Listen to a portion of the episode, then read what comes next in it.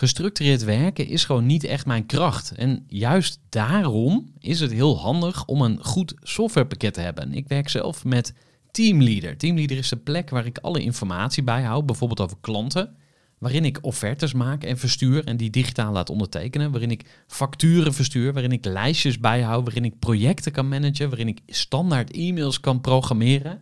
Kortom, ik gebruik Teamleader om alle werkprocessen van mijn bedrijf te stroomlijnen. En zeker ook als je met een team werkt, is het heel fijn om over dezelfde informatie te beschikken. Nou, als je ook benieuwd bent of er mogelijkheden zijn om jouw bedrijf meer te stroomlijnen, of je nu alleen werkt of met een team, ga even naar teamleader.nl slash groeivoer en je kunt dan vandaag nog een trial starten voor twee weken lang, gratis. En je kunt Teamleader volledig uitproberen. En na de proefperiode krijg je ook nog zo'n leuke korting als luisteraar van Groeivoer. Ga naar teamleader.nl slash groeivoer. Gooi voor. Gooi voor. Zoek je inzicht, inspiratie voor je eigen bedrijf. Wil je elke dag iets leren? Luister dan naar Gooi voor. Welkom bij weer een nieuwe aflevering van de Groeivoer podcast, waarin ik in gesprek ga met Helga van der Hart. Helga en ik gaan bijna 10 jaar terug met elkaar. Sinds 2014 is Helga een van de coaches die mij helpt in mijn ondernemersreis. Helga was er in goede tijden, maar ook zeker op momenten dat ik het zwaar had. Helga voelt voor mij als een vriendin, een zus en een moeder tegelijk. Wat Helga voor mij doet, is mij steeds weer terugbrengen bij mezelf en bij mijn eigen gevoel. Wat voel ik nou eigenlijk en hoe kan ik met die kennis de juiste keuzes maken als ondernemer? Onze eerste kennismaking in 2014 deden we aan de hand van Human Dynamics, een persoonlijkheidsmodel waarmee je zowel individu als team verder kan helpen en waarmee je mensen helpt om hun talenten optimaal te benutten. Tegenwoordig is de toolkit van Helga een stuk uitgebreider dan alleen Human Dynamics. Ze gebruikt inzichten uit de psychologie, systeemtheorie en de Germaanse geneeskunde. Heel benieuwd wat dat is. Om er maar eens een paar te noemen. En Helga gaat ook de spirituele kant van leven en ondernemen zeker niet uit de weg. Helga helpt ondernemers, managers en teams om patronen te doorbreken op een diepgaande en heel praktische manier. En daarbij vindt ze eigen verantwoordelijkheid heel belangrijk, want ja, als je ergens kan groeien, dan is het daar. Nou, een van de mooiste dingen aan Helga vind ik haar combinatie tussen rust en pit. Dat ga je waarschijnlijk in dit gesprek ook horen. Ik denk dat het eh, tijd is om lekker het gesprek in te duiken. Lieve Helga, welkom bij de podcast. Ja, ontzettend bedankt. Ja, Ik ehm, hoorde jouw stukje en toen dacht ik, oh, als ik echt even een rotdag heb, dan ga ik dat gewoon lezen. En ik doe ook een beetje copy-paste, zet ik op mijn website. Dan ben ik in één keer klaar. ja mooi. Dus, Dankjewel eh, voor de mooie Nu woorden. komen we wat eh, met mijn intro. Ja, zeker. Voor de kennis en ideeën van een interessante gast. Die haar verhaal met jou wil En gemeend, elk woord. Dus, eh, dus we hebben er tien jaar op moeten wachten om Ja. dit gesprek te hebben. Maar we hebben al heel veel mooie gesprekken gehad. Eh, dus ik heb ook heel veel zin in deze. Ik denk ook dat de eerste keer, hè, die is inderdaad tien jaar geleden. Ik denk dat jullie ook mijn eerste ehm, organisatieklant waren. Hm. Zat ik me te bedenken. Met mijn eh, studenten toen nog. ja. Wat natuurlijk nu Eager People heet. Maar Ja. oh, grappig. Ja, ja. dus eerste volgens mij echt de Team Human eh, Dynamics opdracht. Ja. Grappig, hè? Nice. Ja. Nou, zo eh, hebben we al eh, mooie geschiedenis. En we gaan nu natuurlijk geschiedenis schrijven met deze podcast. En mijn vaste luisteraars die weten dit, jij misschien ook. Maar ik vraag mijn gasten om ja, zichzelf altijd even voor te stellen. En dat doen we door ook terug te gaan in de tijd. Wil je ons eens voorstellen aan de kleine Helga? Ja, de kleine Helga. Ja, ik heb jouw podcast natuurlijk ook wel eens geluisterd. Ik zat er laatst nog over na te denken. Ik, volgens mij, ik was gewoon een, vrij rustig kind. Ik, eh, volgens mij was zo lekker gangbaar in de klas, kon je er wel twintig van hebben, zo'n kind. dus ik viel niet echt op. Wat ik denk ik wel ehm, was, ik was denk ik wel wat een gevoelig meisje, dus eh, er er viel me wel veel op. En ehm, ik was ook wel, denk ik, de, een beetje de mediator. Ik zat niet echt per se bij de hele populaire, maar ook niet bij de minder populaire. Maar ik had eigenlijk contact met allebei de groepen. En daar bewoog ik me zo'n beetje tussendoor.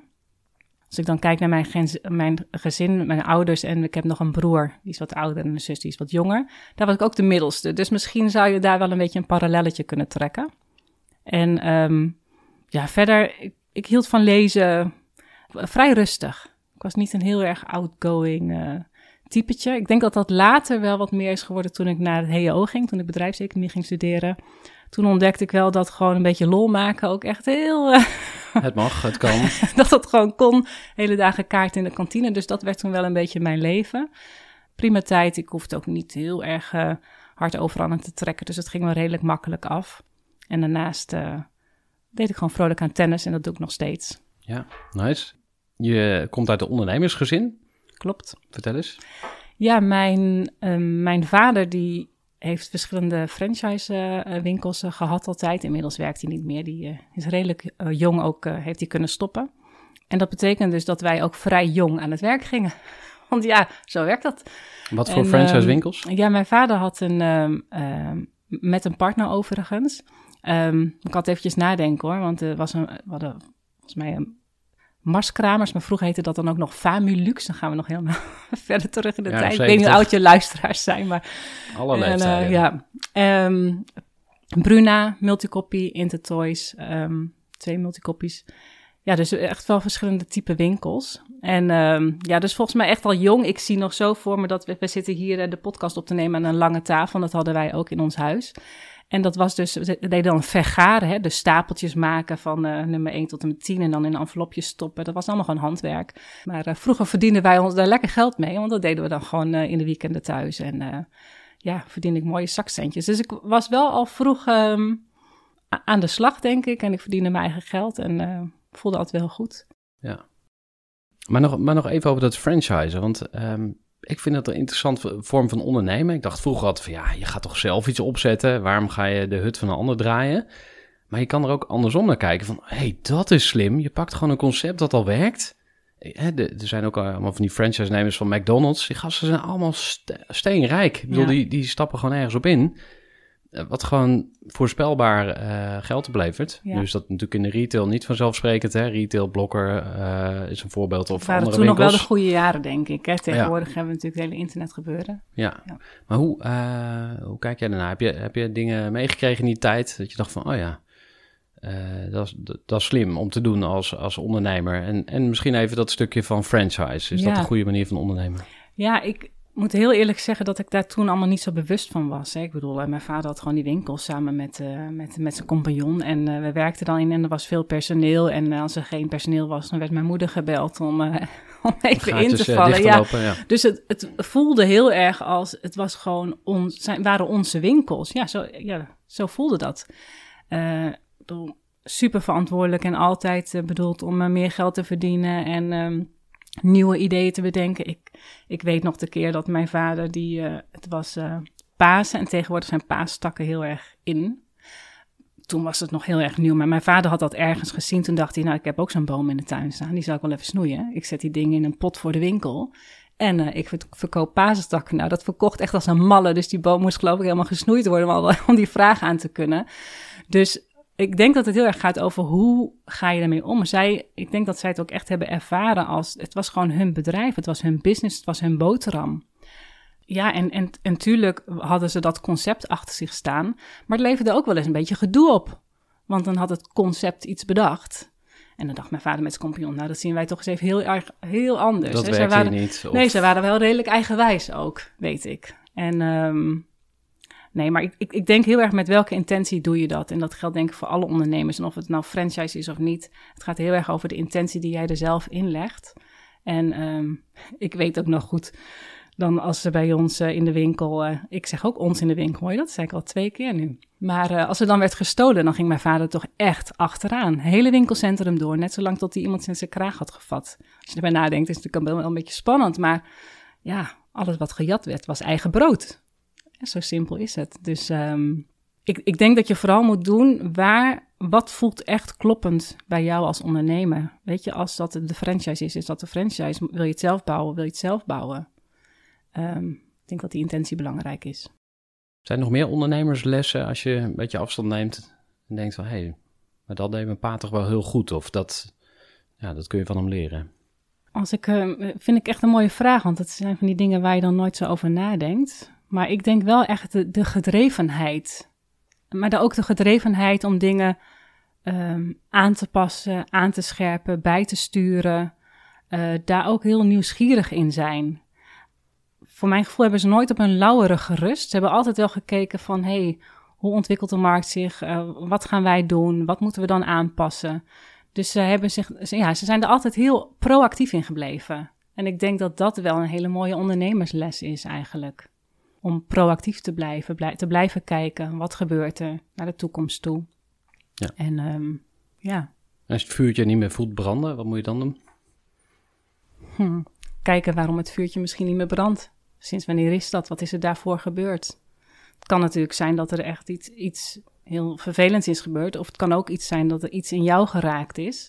Dus ik denk dat het goed is om dat eerst even te onderzoeken voordat je weet wat de vervolgstap gaat zijn. Ja. Dan misschien kan die gewoon weer een beetje opgeport, of misschien is die helemaal gedoofd, of misschien mag er ergens anders een nieuw vuurtje worden gestookt. Ik denk dat, en dat is voor ieder individu ook verschillend. Ja. Maar eerst maar eens kijken van, goh, vanaf wanneer is die eigenlijk een beetje gaan doven en wat is er daar gebeurd? Ja, ik dacht in dit geval niet aan mezelf. Heel vaak gooi ik ook uh, eigen issues of uh, thematiek op tafel, maar in dit geval denk ik aan een ondernemer die, die daar gaat het gewoon heel erg goed in het bedrijf. Hè? Dus het loopt allemaal als een zonnetje. En uh, mij bekruipt wel eens het gevoel van... hey, ligt daar niet een soort bore-out op, de op de loer, zeg maar. De scherpte is er een klein beetje van af. Dus uh, er wordt niet meer super hard gerend voor klanten. Het is allemaal... Nou ja, en op zich is het een luxe probleem, zou je kunnen zeggen. Van joh, weet je, ja, we hebben de klanten voor het uitkiezen. wordt goed geld verdiend. Het team loopt lekker. Ja, wat is het probleem? Hè? Dus waarom zou je dan niet gewoon ja, lekker in het zonnetje gaan zitten en een beetje voor je uitstaren. Dat mag. Alleen aan de andere kant denk ik ook altijd van ja, maar je hebt toch energie, je hebt talent, je wil gewoon, je wil ook gewoon knallen. Ik bedoel, dat is, je ziet ook ondernemers, nou, Warren Buffett, de, de bekende belegger, maar zo zijn er heel veel, die gewoon tot hun tachtigste, negentigste ondernemen. Ja. Want dat is gewoon de aard van het beestje, die energie moet ergens naartoe. Ja.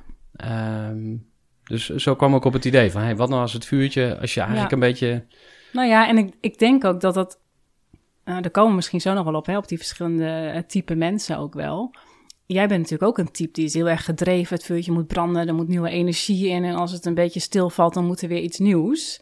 En ik denk dat het ook heel erg mooi is om dat van jezelf te, te begrijpen. Dat het ook niet een soort Pavlov is van ik moet dat altijd maar. Maar dat je ook gewoon een keuze kunt maken. Wil ik het? Of vind ik het wel fijn om nu even in de rust te stappen? En dus daar moest ik eigenlijk net aan denken bij jouw voorbeeld ook. Want het zegt natuurlijk ook heel veel over jou als persoon en, en waar jij blij van wordt, waar jij energie op krijgt Ja. of van krijgt. Ja, ja dus eh, eigenlijk ja, moet je voorzichtig zijn ook met het invullen voor anderen. Hè? Dus eh, ik, ik mag het wel als hypothese aan, aan deze ondernemer voorleggen van... hey, zou het misschien kunnen dat? Ja, Nou, of ja, weet Tegen je, de coaching, eh, eh, het valt me op. Het valt me Ja. op, dit en dit. En hoe is dat voor jou? En, en wat zou het effect daarvan kunnen zijn? Dus dat zijn vragen die je kunt stellen. Ik denk dat het altijd goed is, maar goed, dat zou je ook bijna uit kunnen kotsen op een gegeven moment. Maar om in ieder geval even bij jezelf eerst te onderzoeken: van wat is het in mij dat ik daar überhaupt iets van vind? En het gaat niet over dat het dan goed of fout is, maar het is gewoon een leuke onderzoeksvraag. Omdat het, nou ja, mijn idee is toch wel eh, dat het eigenlijk altijd in eerste instantie echt iets over jezelf zegt. En dat is leuk om te weten. Hm. Want dan kun je daar weer van leren en je kunt weer groeien en kun je dat weer spiegelen met die ander. Heb jij het eh, boek Raken Vragen toevallig eh, gelezen van Siets Bakker? Eh, ik, nee, ik heb raken vragen, ja, zinnen die de ziel raken. Maar Oh ja, volgens dat is mij ook dat, is dat heel erg. Ja. in elkaars Ja. verlengde. Ja. Nou, een van de lessen die erin staat is, of nou ja, haar opvatting over als je met mensen werkt. Hè, dus mijn vraag straks ga- gaat over, of mijn vraag aan jou is eigenlijk van wat is een goede coach? Ehm, kan ik daar van nu, nu vast over nadenken, zeker? Stel je Denk er maar vast over na. En, en eh, zij zegt van, als je met mensen werkt, moet je eigenlijk je intentie terugtrekken. Dus in plaats van dat jij al in je hoofd hebt van, volgens mij moet je die kant op, ik denk dat het zo moet. En eh, dat je ook inderdaad je eigen issues allemaal meeneemt. Hè? Je, Mhm. moet, je moet er gewoon zijn voor die ander en bij die ander en eh, het laten ontstaan en zonder oordeel eh, met, met die persoon het gesprek aangaan. Eh, in plaats van dat je dus zo doelgericht van... oké, ik zal je helpen, want eh, volgens mij moet je... of hè, je gaat iemand uitvragen van... nou, vertel maar, waar wil je naartoe? Oké, nou, dan ga ik je helpen met een plan... en dan gaan we doelen stellen en... Dus zeg maar heel veel, Ja. als je bijvoorbeeld naar business coaches kijkt, heel veel doelgericht. Als je kijkt naar scaling up, hè, dat, dat is ook een structuur en een methodiek en dit zijn je stappen en zo moet het gaan. Dus voor je het weet ga je eh, misschien invullen voor iemand, wat eigenlijk niet bij die persoon past. Je, je, je maakt eigenlijk helemaal geen ruimte voor die persoon om echt ja, te voelen van eh, wat wil ik nou echt. Ehm, ja, ik ben een, beetje hard op het Ja, nadenken ja. hè, van wat, Nou, hoe kunnen we dit wel. Ik- toepassen. Ik, ik, zit te En- denken dat dat... ehm, het zijn verschillende type vragen, denk ik. Kijk, als ik een adviesvraag heb en ik kom bij jou als adviseur... en ik zeg, joh, Gerard, ik heb echt even advies nodig. Wat zal ik nou eens doen met mijn onderneming? Dan vraag ik om advies. Dus dan zou je misschien kunnen zeggen, nou, ja, heb je hier aan gedacht? Heb je daaraan gedacht? Hoe is dit voor jou? Dan kan je heel erg op die stoel gaan zitten. Ik denk dat er heel veel mensen zijn die dat heel lekker vinden, ook om op die manier te geven. Ehm, als ik kijk naar een coachvraag, dan zou dat niet. Als, dan zou ik me omdraaien als coach. Zeg, ik, nou, vertel eens, hoe zie je dat zelf? Ehm, ik heb veel eh, oplossingsgerichte coachings ehm, ehm, eh, sessies gegeven. Hè, dus aan, aan teamleiders en aan, eh, eh, eh, veel docenten. Om, hoe ga je oplossingsgericht coachen met anderen? En wij noemden dat dan altijd een beetje dat je dan dus de luie en de domme coach speelt. Dus echt achterover zitten. Ehm, ik weet het niet. Vertel jij het maar. De antwoorden zitten in jou. En het klinkt natuurlijk een beetje luie domme coach, maar de, de intentie erachter vind ik wel kloppen. Weet je, als ik iemand coach, ehm, dan ben ik aanwezig. En als coach heb je, als het goed is, ga je ook je eigen processen veel door. eh, waardoor het ook steeds neutraler wordt om mensen te kunnen coachen. En ik denk dat je dan echt aanwezig kunt zijn en dat je de ander kunt faciliteren in zijn of haar proces. Want dat is eigenlijk het allerbelangrijkste. Ik heb niet de antwoorden. Hè? De antwoorden zitten echt in de ander. Ja, is dat ook een, deel van het antwoord eh, op de vraag wat is een goede coach? Dus je bent er gewoon. Eh Siets Bakker heeft het over een hoge kwaliteit van aanwezigheid. Hè? Dus Ja, ik snap wel wat hij bedoelt. Ik wil natuurlijk niet altijd spiritueel, want ik ben uit een ondernemersgezin Nou. natuurlijk. maar ja, ik geloof wel. Ik denk dat wij op een, op een bepaald niveau met elkaar samenwerken. Dus op het moment dat ik echt aanwezig kan zijn in mezelf, dan kan ik op een bepaald niveau met, met mijn coachie, als je dat al zo zou willen noemen, maar in ieder geval met de, met de persoon waar ik mee zit, kan ik dan samenwerken. Eh, ik hoor mezelf dan wel eens vragen stellen dat ik ook denk van, nou, dat, dat komt... Dat komt dan door mij heen, als het ware. ja, En ik denk dat dat steeds makkelijker lukt als je echt kunt, aanwezig kunt zijn. Dan hoef ik niet zo hard te werken. Of Wa- niet wat na is daar nou spiritueel aan? Want eh, je kan ook zeggen aanwezig zijn is gewoon, je zet je telefoon uit, focus op de persoon. Ja. Maar jij hebt het over iets, Ja, voor mij is dat spirituele misschien iets meer. En misschien eh, mogen we dat hele woord eraf halen hoor. Want het, eh, het is ook een heel veld wat we neerleggen al, hè, met het woord spiritualiteit. Maar ehm, voor mij komen er dan. Er komt dan een vraag, eh, popt in me op, of een gedachte popt in me op. en waar komt die vandaan? ja, dat is dan waar de vraag, komt die vandaan? Dat is dan de vraag. En En- ik heb het idee, als ik meer aanwezig ben in mezelf, dat, het ook mak dat er ruimte is, dat er dingen op kunnen poppen. En dan werk ik voor mijn gevoel een beetje samen met, eh, weet ik veel, Het het universum. of zo. Ja, En, zie- en, en, en die andere is ook geconnect met het universum. Dus dan, ja, dus dan heb ik het gevoel dat er op een ander niveau ook gesproken wordt. En dan, dan, dan kan ik dat dus vragen aan anderen of delen. Of, ehm, Ja, ja. Ja. en het, spiritueel, eh, het woord spiritueel is eigenlijk gewoon zo'n geladen woord. Hè, dat, tenminste, voor ja, sommige mensen is dat echt een rode vlag. Van ah, daar wil ik het niet over hebben Ja. of eh, ga, ik, ga ik me niet in verdiepen. Maar ik denk dat heel veel mensen herkennen van... hé, hey, als je nou... Stel, je moet een belangrijke beslissing nemen over je bedrijf. Ga ik het wel of niet verkopen? Weet ik veel, eh, ga ik mijn baan opzeggen? Kan ook. eh, noem het maar op, eh, dat soort kruispunten. Ehm, weet ik veel, ga gewoon eens een dag in een weiland lopen zonder telefoon. En dan komt het Ja. Komt het tot je. Dus ik denk Ja. dat iedereen, of onder Iedereen de douche, herkent het. eh, iedereen Ja. herkent dat wel. ja, nou zeker. Ik, eh, dat is wel grappig. Iedereen heeft inderdaad wel zo'n moment dat het oppopt. Dat je denkt, oh, goud idee, gaan we doen. Oh, dat product gaan we maken. En ja, dat komt dan inderdaad tot je. Dat plopt in je op. En ik denk, als je meer aanwezig bent in jezelf... of daar ook af en toe echt fysieke ruimte van maakt... zoals jij nu in het voorbeeld schetst, hè, dat je even naar zo'n weilandje loopt... ehm, ja, dan, dan wordt het denk ik ook makkelijker van. Dan kan je als ondernemer denk ik ook veel meer in de flow werken. Kijk, mijn beste ideeën weet ik inmiddels, die komen gewoon 's ochtends in de badkamer. Als ik douche, als ik mijn tanden poets, dan plopt dat op. Ehm, Stel jezelf dan ook een vraag van, hey, hoe kan ik puntje puntje? ja, als ik een vraag heb, dan stel ik die nog wel eens voordat ik ga slapen. Oh ja. Dus als ik ergens een antwoord op wil en ik heb een vraag, dan stel ik die wel eens voor dat ik ga slapen. En dan denk ik, nou kijk, eh, wat er vannacht komt, misschien uh, komt een idee. Hè, het schijnt zo te zijn en ik heb daar echt helemaal niet de inhoudelijke ervaring of uh, kennis van. Maar ja, als je slaapt, dan zit je toch in een andere staat van bewustzijn. En kun je dus ook weer andere dingen ervaren. En als je een vraag stelt, in principe als ik een vraag stel, dan komt er ergens een keer een antwoord. In welke vorm dan ook. Dus dat doe ik s s'avonds wel eens. Dus dat zou, zou je kunnen proberen als je luistert bent. Op, of, Nee hoor, ik zeg hem gewoon. Maar als het, het voor klinkt je... een beetje alsof je toch aan het verdedigen bent dat je dit doet. Uh, Ja, je nou- had het net ook over dat ondernemersgezin, rationeel, nuchter, praktisch. Altijd zweverige gedoe. eh, Ja, dat ik- moet je eigenlijk toch nog steeds een klein beetje uitleggen. Ja, dat is, ik merkte dat net ook in mezelf. Is, dan, hè, jij hebt over spiritualiteit en je praat er ook, denk jij praat er heel, voor mijn gevoel, heel normaal over. En ik merk toch in mijn lichaam dat er iets gebeurt. Dus dat zegt wel dat ik daar nog niet helemaal neutraal op ben. En dat is ook niet erg, hè. Het is gewoon eh, mijn eh, ontwikkelpad. Maar ehm, ja, ik heb denk ik toch vaak het gevoel dat er nog een soort uitleg omheen eh, hoort te zijn. En ik heb heel veel mensen in de omgeving, ondernemers, vrienden, vriendinnen, die daar is het woord spiritualiteit een heel normaal woord. Hè, praten we de hele dagen zo. Want waar koppel jij het aan? Aan, aan de wierookbranden, de eh, kerk, eh, nou ja, dat eigenlijk ook niet, want dat zit dan ook niet zozeer aan, in mij, maar gewoon meer dat je echt kunt vertrouwen op het universum. Eh, dat er gewoon dingen komen, dingen komen op je pad. Er wordt ook voor je gezorgd op een bepaalde manier. Eh, en ik denk dat is voor mij ook mijn manier van ondernemen. Of, ehm, hè, dus als ik, als ik denk, nou, kijk, er mag er wel eens wat gebeuren of er mogen weer wat klanten komen, dan is dat ook wat ik in het universum gooi. Het is niet dat ik dan dus op de bank ga zitten en een pot thee zit en denk, nou, kijk hè, wanneer er eh, iemand belt. Ik, ik, ik hou er wel mijn energie op, maar ik vertrouw inmiddels wel op dat het, dat het gaat gebeuren, dat de, dat de momenten kloppen. Ehm, als ik ochtends dus in die badkamer die geweldige ideeën krijg, die gewoon eh, ergens naar binnen zijn gevlogen, eh, dan weet ik gewoon ook, en ik voel het ook tot in elke vezel, en ik denk dat jij dat ook wel herkent, maar dan weet ik gewoon, dit klopt. Als ik dan een tekst moet schrijven, die, die doe ik op dat soort momenten. Dus er is altijd pen en papier in de buurt, of, of een telefoon voor de notities. En dan schrijf ik dat op en dan is het klaar. En dan hoef ik dus ook niet meer hard te werken aan bepaalde teksten.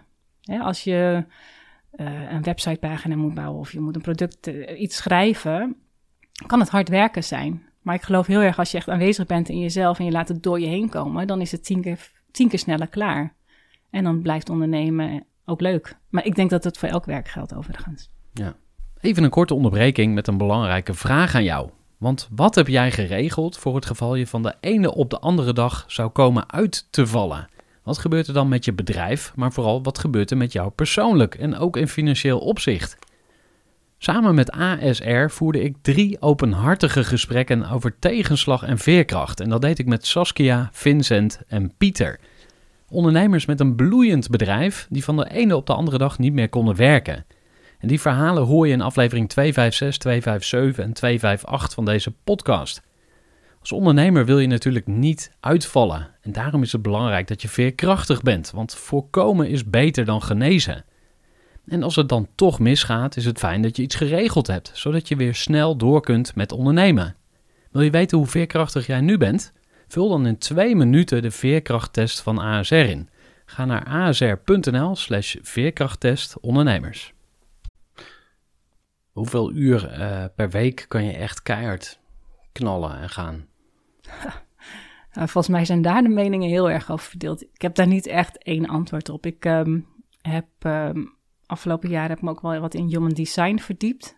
Die, die ken jij ook. Deze heb jij volgens mij ook een keer een podcast. Ja, eh, Guido Werning ja, is ja. een van de co-auteurs. Eh, Je hebt een boek geschreven, Human Design. Ja, ja, en die hebben daar volgens mij echt wel bepaalde ideeën bij. Dat bepaalde, ja, je hebt dan verschillende soorten types. En dan heb je de projectors. En die zouden dan eigenlijk een uur of vier, vijf eh, per dag moeten werken.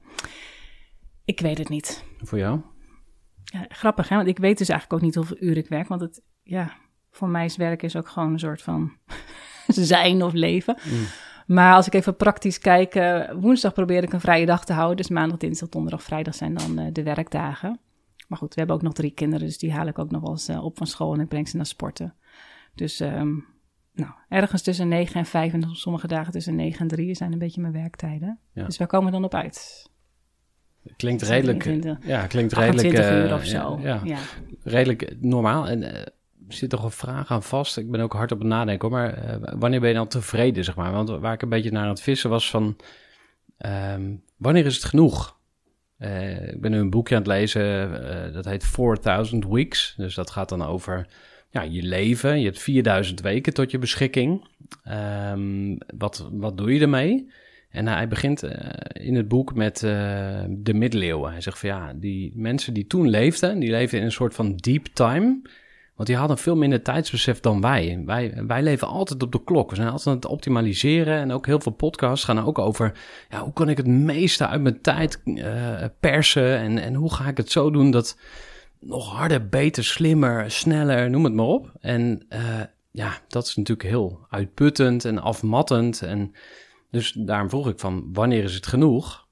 Ehm, en natuurlijk is er niet één antwoord voor iedereen. Maar het is wel een dingetje gewoon. Een, eh, Ja. Je zou ze- kunnen zeggen maatschappelijk probleem. Dat we elkaar zo zitten op te fokken van... ja, maak, maak het meeste ervan. Dus je zou eerder kunnen zeggen van... hé, hey, doe het eens wat rustiger aan. Laten we Nou, nou eens gewoon... Wat wel bij me opkomt, zijn eigenlijk zo twee dingen. Ik moet denken aan de jongerenwereld waar we het net over hadden. Ik denk dat die dat al echt wel anders doen. Hoeveel eh, jongeren werken er, die, gaan, die zeggen, nou, ik ga echt niet vijf dagen werken. Nou, twee banen en dan ga ik weer eens een jaartje reizen. Die kijken daar volgens mij al op een echt wel andere manier naar. Misschien wel ju- juist door onze gejaagdheid dat ze hebben gedacht, nou die ouders van ons zijn echt knettergek. En ik denk gewoon dat ze daar een punt hebben. Ehm, het tweede waar ik aan moest denken is, dat stel voor dat we ons leven, hè, ons collectieve leven zien als een soort rivier die stroomt. En die rivier die is in de loop der tijden steeds harder gaan stromen. En wij zijn steeds harder mee gaan rennen. Maar ik denk dat die rivier inmiddels zo hard stroomt dat nog harder mee rennen, dat, dat gaat gewoon bijna niet meer. Dus ik denk dat we dingen op een andere manier mogen doen. Ik denk ook dat er eh, andere initiatieven mogen ontstaan om, om, om mee te kunnen met die snellere rivier. En daar moest ik eigenlijk aan denken. Ja, dus wanneer is het genoeg? Harder, harder, harder. Ja, ik denk anders. Een basisinkomen, denk ik dan aan. Oh, ja, gaan we het daarover Ja, nee, maar dan wordt het heel politiek. Dat moet je misschien ook niet willen. Maar ja, je moet hard rennen, hè, want anders krijg je geen huis. Eh, of dan zit je er je hele leven in een huurhuis. Ja, hoeft ook Ja. niet eh, verkeerd te zijn, zeg Ja. maar. Maar eh, ik, zat, ik heb een huis gekocht. En dan ga ik elke week een paar keer hardlopen. En ik kom iedere keer langs zo'n huis. Dan denk ik, wauw, maar dit is eigenlijk mijn droomhuis. Dus ik ben al, hè, dat is een mooi boerderijtje net buiten waar ik nu woon. En dan sauna in de tuin. Krijg een kipjes, beetje beeld, ik ja. nee, dat- maar echt zo dat ik denk... En er staat dan zo'n Tesla eh, Model X naast of zo. Ik denk, ja, dit, dit is ook een ondernemer. Kan bijna niet anders. Dus ik, ben, ik heb net een huis gekocht en ik ben alweer aan het nadenken over mijn volgende Mm. huis. En daar heb ik dan ook heel veel geld voor nodig. Dus ah, dan ga ik nadenken, oh, dan moet ik nog harder werken. Nee, dat werkt niet. Dan moet ik nog slimmer werken. Dus, maar waar, waar, waarom ik dit erbij sleep is van... voor heel veel dingen waar wij naar verlangen... eh, heb je heel veel geld nodig. En hoe kom je aan heel veel geld? Eh, waarde toevoegen, maar ook hard werken. Ja. Dus ja, of je moet gewoon zeggen, joh, Nou ja, geluk zit ergens anders. Maar Nou ja, de vraag is inderdaad van, hè, als je dat gaat verlangen, ben je er dan? Ben je dan gelukkig? Ik stelde laatst die vraag aan iemand die zei, nou en dit en dan en dat mijn werk. Ik zeg, nou, ik zeg, oh wat mooi, mooi, ja, mooi. En dan, ik zeg, ben je dan gelukkig? En die persoon zei, nee, geloof het eigenlijk niet. Dus voor mij was dat ook weer zoiets, ja, soms is het op een ander vlak ehm, te vinden. Wat dichter bij huis, ik weet, wij zijn... ehm, eh, twee jaar geleden zijn wij verhuisd. Nou, wij wonen in Breukelen. Nou, we wonen echt eh, fantastisch. En daarvoor hadden we ook echt een prachtig huis. Helemaal, waren we helemaal gelukkig. Maar we hadden wel een soort van onrustje dat we dachten... nou, misschien toch nog eens een keer een nieuw huis. Het was ons eerste gekochte huis. Eh, hadden we allemaal helemaal leuk verbouwd. Maar we dachten toch wel misschien nog eens verhuizen. En dat had zeker mijn man, die had dat ook wel. Die dacht, nou, stapje maken. stapje maken, groter.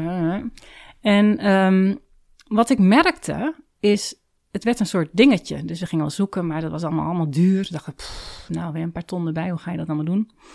Eh, Maar wat, ik, wat het effect ook was, is dat we dus eigenlijk stopten met in ons huis leven. Nou, dat klinkt een beetje... Dus in je hoofd was je alweer... Ja, je was daar al mee bezig. Terwijl ik ook zag in ons huis dat ik dacht, nou, die muren kunnen ook wel eens een keer een schilderwerkje gebruiken. Nou, de buitenkant zou ook wel eens eh, wat nog opgeknapt mogen worden.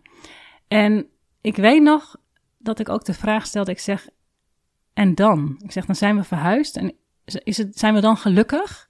Of hebben we nu iets te doen om ons gelukkig te voelen, los van het huis en los van of dat wel of niet gaat gebeuren?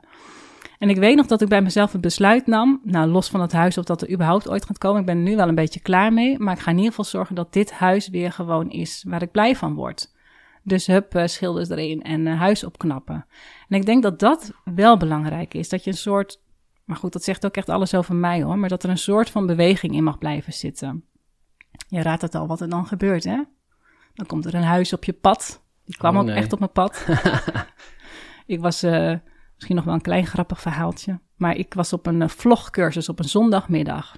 Nou, in hemelsnaam, niemand weet wat ik op die vlogcursus deed. Ik weet het nog steeds niet, maar het, ik werd er naartoe getrokken.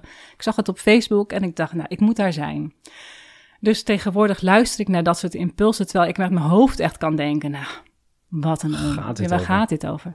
En ik was op die vlogcursus en ik zat naast een dame en die cursus was afgelopen. En ik zei tegen haar, zeg, ik weet niet waarom, maar ik heb het gevoel dat wij elkaar nog moeten zien. Nou, zegt ze, dat heb ik ook.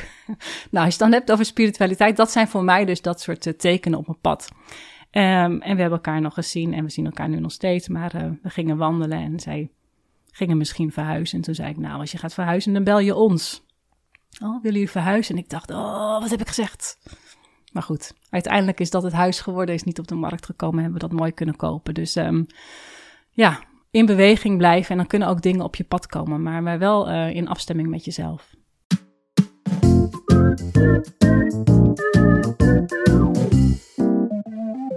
We gaan weer uh, verder met, uh, uh, met jouw verhaal. En we waren nog bij het voorstelrondje. Of hè, stel je, ons eens voor aan de, de kleine tijd. Helga. Misschien moeten we een paar vragen skippen. Ja, nee, maar we hebben al heel veel ook aangeraakt. Um, ik wil het in ieder geval kort even met je hebben over uh, human dynamics. Want daar zijn we ooit mee begonnen. En dan laten we dan daarna doorgaan uh, naar uh, ja, wat voor issues kom je bij ondernemers tegen? En, en, en, wat zegt er nou eigenlijk als je een issue hebt? Hoe kan je daarmee omgaan? We hebben het er al een paar keer over gehad. Maar misschien eerst toch nog even human dynamics. Ja. Want je hebt er inmiddels uh, heel wat gedaan met, met ondernemers. Maar vertel even, wat, wat is het? Wat kan ja, je ermee? Human dynamics is, uh, jij zei het volgens mij al, hè? dat is een manier om, om verschillende persoonlijkheden te kunnen duiden. Human dynamics is denk ik voor mij wel de grondlegger waarom ik uh, coach ben geworden. Of eigenlijk mijn tweede pijler. Um, wat het doet is, het geeft gewoon inzicht in de verschillen die er zijn tussen mensen. En waar het voor mij vooral over gaat, is dat het eigenlijk geeft het een taal. En dat doen heel veel van dat soort dingen. Hè. Dat doet ook een MBTI of een DISC. Of, hè, ik denk op het moment dat je er op de juiste manier mee omgaat, zonder het helemaal hè, plat te slaan... Uh, en dat gewoon echt als taal kunt gebruiken, dat het gewoon heel erg helpend en ondersteunend is in de samenwerking. En zo gebruik ik het ook in, in teams en organisaties echt als taal om verschillen te kunnen duiden. Niet om je achter te verschuilen. Hè, het, het ontslaat je wat mij betreft ook helemaal niet van de verantwoordelijkheid om, om, ja, om, om re reflectie op jezelf toe te passen, om, om te ontwikkelen. Dus je kan niet zeggen, ik ben nou eenmaal zo, dus je moet mij accepteren. Nou ja, je mag het van mij zeggen. en als de ander dat, dat prima helpend. vindt, uh, ja, nou dan uh, hoor, je, hoor, je mij niet klagen. Maar op het moment dat je merkt, het kan natuurlijk ook heel veel frictie geven. En, en ik denk dat het je niet, nogmaals, dat het je niet ontslaat van de verantwoordelijkheid om af en toe eventjes ook naar jezelf uh, in een bepaald proces te kijken. Dat is trouwens interessant voor ondernemers, want uh, heel vaak denk ja, mijn medewerkers die hebben issues en die doen niet wat ik wil en zo. En, maar hoe vaak kijk je als ondernemer echt naar jezelf? Dat is ook nog wel eens, uh, plus je krijgt niet zoveel feedback, want er is niemand boven je ja. die zegt van, hé hey, gast. Of, uh, maar goed, ja. dat is even een zijspoortje. Ja, nou, die, ik zou er ook nog heel verhaal over kunnen houden. Maar inderdaad, ik, ik denk dat het, dat het heel waardevol is als je als ondernemer naar jezelf krijgt. Ik bedoel, als je doet wat je deed, krijg je wat je kreeg, hè? Dus uh, ja, als jij iets verandert, en ik geloof heel erg als je iets verandert in jezelf, dan verandert er ook iets in je omgeving. Um, en als we even teruggaan naar Human Dynamics, hè, die, die kenmerkt eigenlijk drie hele grote verschillen tussen groepen mensen. En daaronder zitten dan nog weer wat, wat kleinere verschillen. En um, het heeft mij, toen ik dat ontdekte, ik, ik studeer, ik had een, deed een managementprogramma op Nijrode in, uh, in Breukelen. En daar was dit dus een element in. En, uh, en het heeft drie bouwstenen, hè? Of ga drie je dat... bouwstenen. Ja, zou, zou ik die zo ja, nog even doen? Wat, wat het mij gaf, en, en dat vond ik er zo tof aan, en, en ik denk dat jij dat ook herkent, Gerard, maar het gaf mij heel veel rust. Ik las mijn, zo noem je dat dan, dynamiek. En ik dacht, hè? Zo gek ben ik helemaal niet, joh. Wat ik bijvoorbeeld las, ik ben jij zegt ook net een paar keer, ik denk en ik praat hardop. Dat is voor mij een systeem wat ook heel goed werkt. Als ik vastloop of ik, ik moet een oplossing ergens voor bedenken, dan helpt het mij om even hardop daarover te kunnen hebben. En dan komt het antwoord vanzelf. Dan hoef ik niet een advies, dat komt echt vanzelf. En dat las ik daar terug. En, en ik werkte in die tijd bij de Rabobank en ik zat daar in het eh, managementteam. En ik ervaarde wel eens in een vergadering, dan werd er wat gevraagd en dan dacht ik, ik heb een idee. Ik weet het antwoord. En dan begon ik en dan gedurende mijn antwoord dacht ik, shit, welke kant ging het op? Wat was de vraag? Was ik het helemaal kwijt? Maar dat deed iets met mijn eigen waarde, want ik vond daar ook iets van. Ik vond het ook een beetje dom van mezelf. En toen las ik dat in de dynamiek, dacht ik, ah, dat is mijn proces. Nou, sindsdien schreef ik gewoon even de vraag op, op een papiertje. En dan wist ik altijd waar ik naartoe heen moest praten. Ehm, ja, dus de, de drie grote verschillen. Dus je hebt eigenlijk net zo drie bouwstenen, zoals je het noemt. De mentale bouwsteen, emotionele bouwsteen en de fysieke bouwsteen. Ehm, en dat noemen we daar dan de principes. En het mentale principe, dat gaat echt over... Dat is een heel intern proces. Mensen die dat voorop hebben staan, die herkennen zich ook in een soort intern denkproces. Aan de buitenkant zie je vaak niet zoveel... Zie, zie je niet zo vaak in, in beweging, in mimiek, in handgebaren gebeurt er niet zoveel. En dat is echt een intern denkproces. En die mensen denken vaak heel lineair. Dus uh, als je dat ziet bij ondernemers, dan denken ze ook, nou, waar, gaan we gewoon naartoe over vijf, tien jaar? Uh, en, en welke grote stappen moeten we daarheen maken? Die zitten nog niet helemaal niet in de detail hoor, maar die kijken echt wat grote lijnen. Dus van, we moeten daarheen. Oké, hoe gaan we dat doen? Van A naar B naar C, of misschien van C naar B naar A. Um, daar zijn er niet zo heel veel van. Dat is een procentje of tien in Nederland. Dus dat is een wat kleinere groep mensen. Dan heb je die emotionele bouwstenen. Nou, die, die, zitten tegenover elkaar nu in dit, in dit moment. Um, en dat is dus dat associatieve denkproces. Dus veel meer extern. Uh, denken, praten gaat over en weer. In contact met de ander, brainstormen. Dat is veel meer dat, daar dat primaire denkproces. En, en ook het primaire samenwerkingsproces dus, hè. Samen, een primaire leerproces. En daarin herkennen wij ons allebei, hè, Gerard. En dan kan je nog weer een klein uitstapje maken dat daar nog wat nuanceringsverschilletjes zijn. En dan heb je nog de fysieke bouwsteen. En dat is, je zou kunnen zeggen, die zit er dan een beetje tussenin. Dus die gaat eerst van intern denkproces naar een extern proces. En die kijkt heel erg naar wat was er in het verleden, wat is er nu en waar gaan we naar de toekomst toe. Dus hè, verleden heet toekomst, uh, heel erg in die context kijkend. En die houden heel erg van gewoon praktisch nut, bruikbaarheid, doen. Ja. En uh, dan gebruik je een combinatie van die letters om iemand te duiden, dus? Klopt. Want uh, dus je hebt bijvoorbeeld, in mijn geval, ik, ik heb uh, onthouden, ik ben EM, ja. emotioneel, dat staat bij mij voorop, dus dat is, dat is mijn eerste voorkeur. Ja. Of, Klopt, ja, dat essentie. is je primaire denkproces, je primaire mm-hmm. samenwerkingsproces. Ja, en dan komt mentaal. En ja. fysiek, dat is dan een soort van het ondergeschoven kindje of het de sluitpost? Of hoe, hoe ja, nou die hoort ook bij jou. Hè? Ik bedoel, ook in een organisatie zonder het mentale principe, het denken en zonder het doen, het fysieke principe en zonder het ook de verbinding, het emotionele principe, ja, is er ook denk ik weinig organisatie. We hebben al die bouwstenen nodig, dus ook al die bouwstenen zitten in jij, in jou. Hè, maar de volgorde waarop, dan wordt het interessant, want daar gaan de verschillen ook uh, ontstaan. En bij jou staat inderdaad het emotionele principe voorop. Dus dat, dat, dat associatieve denken, praten, dat is jouw, jouw denkproces, jouw, jouw samenwerkingsproces, ook in interactie met anderen. En vervolgens kom je bij het mentale principe uit. En jij bent dus gericht op, uh, ja, op lange termijn, op, op visie, op, uh, op, ook op denken. Um, en ik denk dat je deze dynamiek heel veel bij ondernemers ziet. Zonder het plat te staan, en want elke dynamiek zit in, hey, elke ondernemer, dat, dat maakt niet zoveel uit. Maar bij emotioneel met, met, mensen met de emotioneel-mentale dynamiek, die houden wel heel erg van nieuwe ideeën, brainstorm, voortgang, visie, uh, energie erin knallen. En dat is denk ik waar jij je ook in herkent. En daar zullen heel veel ondernemers zich in herkennen, denk ik. Ja. En dus op het moment dat ook je zit in de vergadering het loopt vast, ja, vraag zo'n type even voor een out-of-the-box idee en je kunt met z'n allen weer door. Werkt hartstikke fijn. Ja. En dan het, en het fysieke stuk, dat zit natuurlijk ook in jou. Want jij kunt ook prima dingen doen en dingen maken. Dat is natuurlijk helemaal niet waar dat je dat niet kunt. Maar wat je heel vaak ziet, is dat dat dan eh, soms, als je dat iets meer ontwikkelt, brengt dat soms wat meer balans in je leven.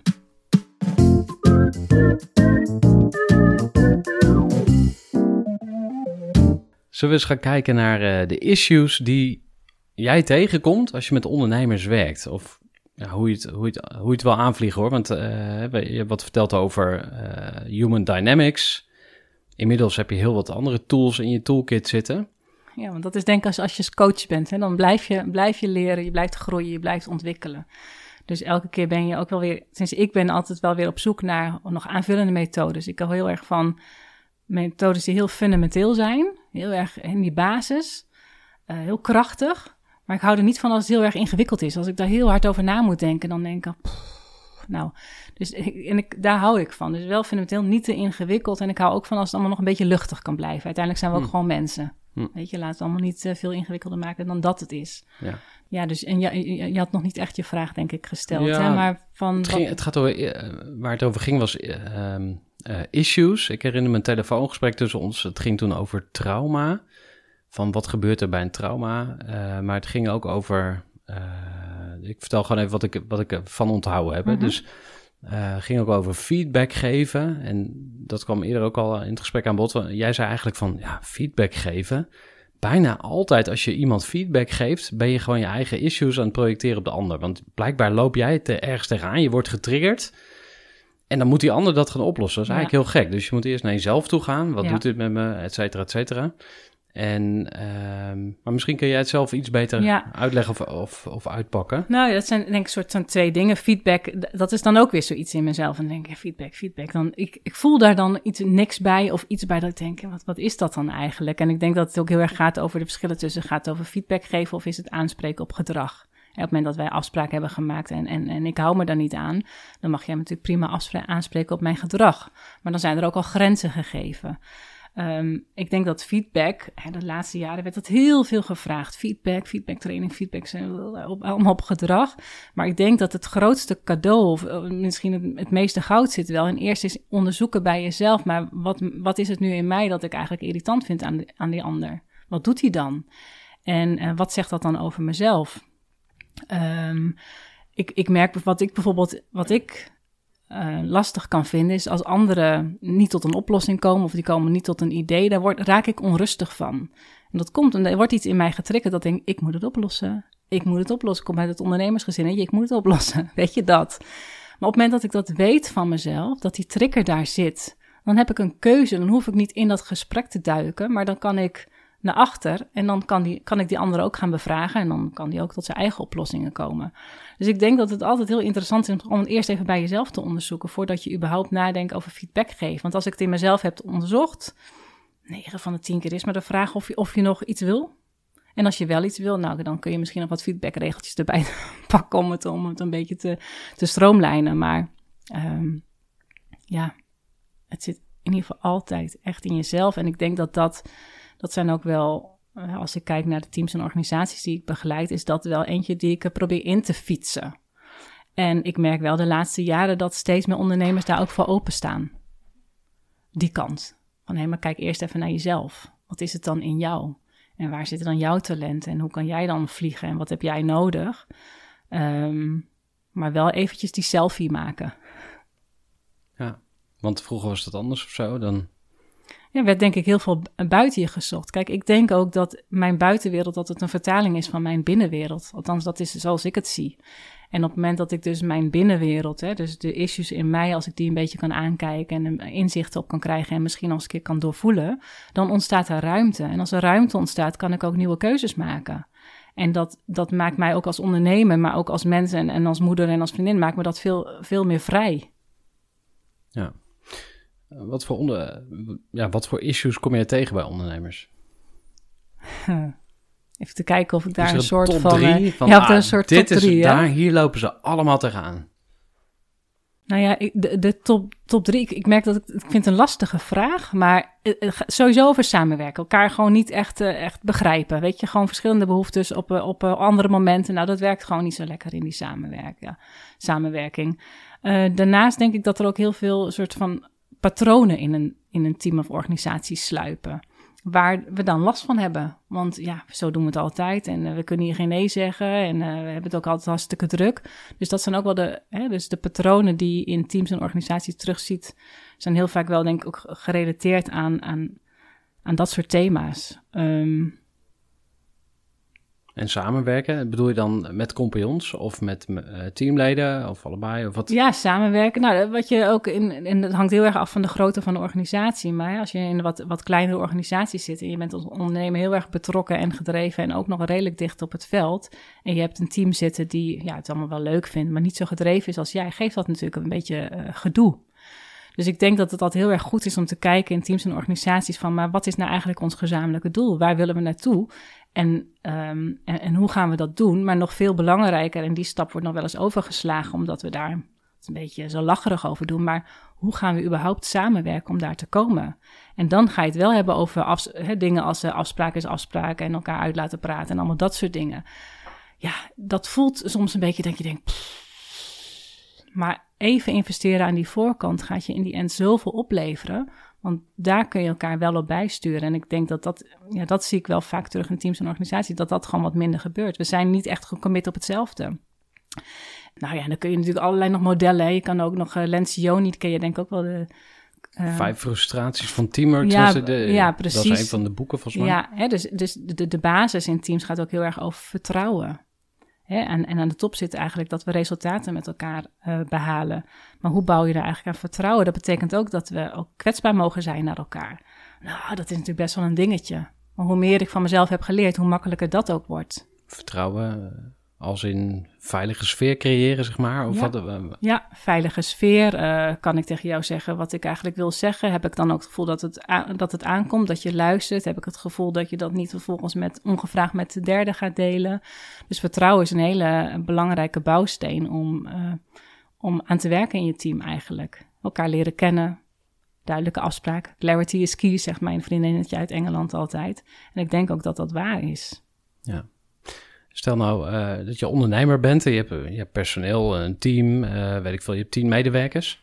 Wat, wat is dan een goede uh, methode? bijvoorbeeld is er een bepaalde frequentie dat je zegt, nou je moet gewoon elk jaar, weet ik veel, een teamdag doen, teambuilding.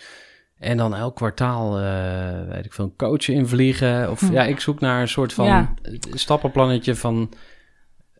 of misschien de bare minimum. Van je moet minimaal één keer per jaar of, ja, ik, ik, ik heb een soort, wat, ik heb een soort, maar het is bijna een soort utopie. Maar ik heb ergens het gevoel als we echt, ieder persoon, als we nou echt allemaal gewoon eens verantwoordelijkheid nemen voor onze eigen shit, ons eigen gedoe, voor onze eigen irritaties, dan is maar de vraag, wat is er dan nog nodig aan dat soort dingen? Maar goed, dat is een beetje een utopische wereld. Ik heb daar vorige week een soort, vorig jaar een soort scriptietje over geschreven. Is dat de, aan, um, de aanzet naar je boek? Ja, nou dat boek, ik weet yeah. niet. Ja, ik geloof niet dat dat er gaat komen, Gerrit. Oh, okay. Maar je weet nooit, wie weet mag het nog eens ontstaan. Nee, dus ik heb daar geen... Uh, ja, ik denk dat het goed maar, is zolang we dat niet doen... om wel af en toe uh, aandacht te geven aan, aan dit soort uh, methodes. Ik, kijk, volgens oh, maar mij... Ter, terug naar die utopie. Wat, ja, wat is, jouw, utopie. Wat is, wat is jouw, jouw, jouw ideaalbeeld dan? We nemen allemaal verantwoordelijkheid. Ja, voor? Voor gewoon je eigen shit en eigenlijk dus voor je eigen patronen. Uh, patronen die met een reden zijn ontstaan. Ik denk dat we allemaal dingen meemaken in ons leven die niet altijd even leuk zijn. En enige is wat, misschien wat heftiger dan het andere, maar ons onderbewuste, ons systeem kent niet zo groot onderscheid. Die kent dat grote onderscheid niet tussen heel erg en een beetje erg. Die behandelt ze op dezelfde manier. En op het moment dat dat er, uh, ontstaat, dan ga je ja, ontstaan bepaalde overlevingspatronen, overlevingsgedrag. En ik denk dat het heel erg helpend is op het moment dat je dat van jezelf gaat inzien. Van hé, maar waarom is dat ontstaan? Hè, in, dat je in plaats van een soort overlevingsgedrag en overlevingstalenten veel meer naar leven gaat. Naar het gedrag dat van je overleven naar leven. Naar leven, mooie en, boektitel. En, ja, oh, en, en, en, van Pavlov naar, naar keuze. Ja. Hè, op het moment dat ik weet van waar is het ontstaan, tot nu toe is het een soort Pavlov. Ik doe gewoon zoals ik deed en ja, denk je niet meer na. Maar op het moment dat je begrijpt waarom je doet zoals je doet, uh, dan denk je, oh, dan kan je nieuwe keuzes maken. Ja, nou, ik, het is natuurlijk een beetje utopie, omdat ik ook wel snap dat als wij in een groep samenwerken en we zitten in een team van tien man en er is nog heel weinig vertrouwen, dat het dan heel, ja, dan ga ik daar niet waarschijnlijk kwetsbaar zitten zijn van, oh, nou ja, en dit is wat er dan in mij gebeurt. Dat komt omdat ik toen tien was en uh, ja, dat, ik verwacht hmm. niet dat dat nu, dat het al zover is. Um, maar wat zou dan de eerste stap zijn? Dus dit blijven benoemen. En ik denk dat het op steeds meer plekken ook benoemd wordt. Weet je, gewoon die eigen verantwoordelijkheid. Uh, doe die selfie. Kijk eerst eens in jezelf. Wat is het in mij? Wat is daar gebeurd? Wat is daar getriggerd? Wat zit daaronder? En ik denk dat dat een eerste stap is. En, en ik denk dat het in de bestaande modellen die heel veel gebruikt worden in teams en organisaties. zijn, om, uh, weet je, de, de Tuckman-achtige groepsfases, dat soort dingen. Die zijn denk ik nog heel, steeds heel erg goed. Ik denk alleen wel hier en daar dat ze een uh, updateje kunnen gebruiken naar de wat nieuwere tijd. En, um, en waarmee uh, het, het, stukje eigen verantwoordelijkheid ook steeds meer gestimuleerd mag worden. Dus ik werk samen met mijn collega Mara Lammertse. Uh, vanuit de verschilspecialisten werken wij samen. En wat wij dus dit jaar gestart zijn om in één keer in de maand is met elkaar te gaan zitten. En dan pakken we dus modellen waar wij graag mee samenwerken. Maar dan gaan we dus wel kijken, maar hoe kunnen we dat nou uh, een update geven naar deze tijd, waarin ook dat stukje eigen verantwoordelijkheid steeds meer zit. Um, dus op die manier uh, doen dat, wij dat in ieder geval in ons werk. En, um, en ik, ik, ik, denk ook dat dat, als ik, als ik teamcoach, collega's spreek, dan zit dat stukje eigen verantwoordelijkheid er ook steeds meer in. Ja, want je kan een beetje twee kanten mee op, uh, of veel kanten, maar in ieder geval, het klinkt een beetje streng. Hè? Een beetje de harde kant van ja, je moet gewoon verantwoordelijkheid nemen. En er zit ook iets, uh, ja, laat ik het zeggen, onbarmhartigs van ja, uh, je moet gewoon je eigen shit regelen. Als je je shit niet goed geregeld hebt, dan ja, is het ook je eigen schuld. Maar je zou ook veel meer uh, de kant van zelfliefde op kunnen ja. gaan. Van wees lief voor jezelf, gun jezelf. een goed leven, hè, dat het je goed mag gaan. Dat is ook een zin die nu steeds vaker gebruikt wordt. Um, ja, ik ben, ik ben heel, nou, ik ben heel blij dat je dat uh, benoemt. Want dat, ik denk dat er niks zo erg is als je het gevoel hebt van... oh, pff, nou, dat, uh, dat vliegt me aan, dat gaat natuurlijk al niet werken. Maar ik denk dat voor mij is het woordje echt nieuwsgierig. Kan ik nieuwsgierig zijn naar wat er gebeurt en wat het dan in mij is? Omdat ik daarmee geef ik, zoals ik het ervaar, het grootste cadeautje aan mijzelf. Want daar kan ik groeien, daar kan ik ontwikkelen. En ik denk dat voor heel veel mensen eigenlijk geldt. En op het moment dat je dat op die manier kunt doen, ook in teams en organisaties, dan geef je dus ook op de lange termijn, doe je echt iets. Een van mijn um, nou, frustraties misschien een beetje groot wordt, maar ik heb wel jaren gedacht, jeetje, in teams en organisaties, wat zijn we nou eigenlijk aan het doen? Zijn we nou gedrag aan het wegpoetsen? Zijn we gedragsafspraken aan het maken? En wat doen we eigenlijk met wat daaronder zit? Want dan, dan verandert het team, want zo gaat dat. Dan komen er weer wat nieuwe bij en uh, er gaan er weer een paar weg en dan dan kunnen we eigenlijk bijna weer, niet helemaal opnieuw, maar we beginnen wel weer een paar uh, stapjes terug. En um, ja, en ik, ik, denk dat op het moment dat, we meer kunnen gaan naar de individuen, wat je doet is helemaal prima, maar het vertelt een verhaal. Kunnen we kijken naar dat verhaal, wat het dan in jou is? Kunnen we die patronen met elkaar ontrafelen? Uh, daar heeft denk ik die, de persoon, de individu, het meest aan voor zichzelf op dat moment. En ook voor zichzelf voor de lange termijn. En waar die persoon dan ook werkt. Elke organisatie heeft daar wat aan. Dus ik denk dat, hè, dan is het misschien niet zozeer de lange termijn van dat team. Maar wel de lange termijn van het persoon. En daarmee ook van het grotere geheel. En ik denk dat we uh, daar steeds meer naartoe aan het bewegen zijn. En, maar goed, dat, mijn, mijn veld is misschien ook een beetje gekleurd. Maar dat zijn ook wel de teams en organisaties waar ik kom, waar ik dat steeds meer zie. Dat mensen dat pakken en begrijpen en dat ook heel logisch vinden eigenlijk om op die manier te kijken. Dus ja, is het zelfliefde? Ik denk dat het belangrijk is om dat voor jezelf eens te onderzoeken. Maar bij mij nogmaals is het echt, ja, ik ben gewoon nieuwsgierig. Ik denk, hè, wat wel interessant, wat gebeurt er? Wat is dan het verhaal? Joh, nou, op die manier kijk ik ja. ernaar. We hebben laatst uh, november was dat, hebben we bij Eager People een groeiprogramma gedraaid met een stuk of zes medewerkers, teamleden, vanuit de uitvoering. Dus dat zijn de mensen die zeg maar gewoon in het veld uh, de klussen uitvoeren. En een van de mooiste sessies, want we deden acht ochtenden en een van de mooiste sessies vond ik de allereerste, want toen kregen mensen de opdracht van tevoren, vertel je levensverhaal tot nu toe. Dus nou, de meeste mensen hadden een PowerPoint gemaakt, foto's erin en zo. Maar daar kwam zoveel informatie boven. Waardoor je ineens dacht van, oh, maar nu snap ik je. Of, hey, goed dat ik dit weet, want eh, dit neem je de rest van je leven waarschijnlijk mee. Hè, dus, um, en wij hebben natuurlijk een soort uh, ja, kunstmatige scheiding tussen zakelijk en privé. Hè? Dus als iemand in dienst komt, ja, wat vertelt hij nou eigenlijk echt over zichzelf? Waarschijnlijk vooral de leuke dingen, hè, wat je dan voor leuke privé-hobby's hebt. Je hoort nooit alle issues en trauma-verhalen en zo. Ik bedoel, dat hoeft ook niet. Maar um, Ik, ik hoorde het ook een keer in een podcast of zo. Er zei iemand van ja, we gingen gewoon met een, met een groep een weekendje weg. En iedereen vertelde gewoon zijn levensverhaal. Dus daar, daar was ik ook een beetje naar op zoek van... oké, stel je bent ondernemer, je wil beter samenwerken. Hoe ga je je team beter laten samenwerken? Nou, een persoonlijkheidstest en een gezamenlijke taal... maar ook elkaar echt leren kennen. En, maar dat moet wel gefaciliteerd worden. Dus Ja. dan... Ja, en welk voorbeeld? Hè? Ik bedoel, in principe zet je ook de toon. Dat doe je ook als teamcoach. Hè? Dus een ondernemer kan ook heel erg de toon zetten. Dus in hoeverre laat jij jezelf zien als ondernemer?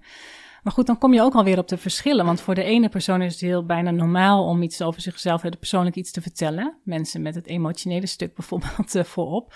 Terwijl het voor mensen met het mentale stuk voorop helemaal niet normaal is om iets over zichzelf te vertellen. Dat vinden ze ook helemaal niet belangrijk. Dat doet er voor hen ook helemaal niet toe, omdat ze op een andere manier heel erg verbonden voelen. Dus daar komen ook dat soort verschillen om de hoek kijken. Ja. En dan kun je het daar zo weer over hebben. Ja. Maar eh, ja, in de basis denk ik dat het natuurlijk altijd helpt over ja, als je iets van kwetsbaarheid kunt delen, wat ik net vertelde en jij vertelt nu over die, die, die levenslijn, ja, dat helpt in, in de basis, in het voelen van veiligheid, in het voelen van vertrouwen. En dat helpt natuurlijk gewoon enorm aan het eh, behalen van, als bouwsteen in het behalen van je resultaten. Ja.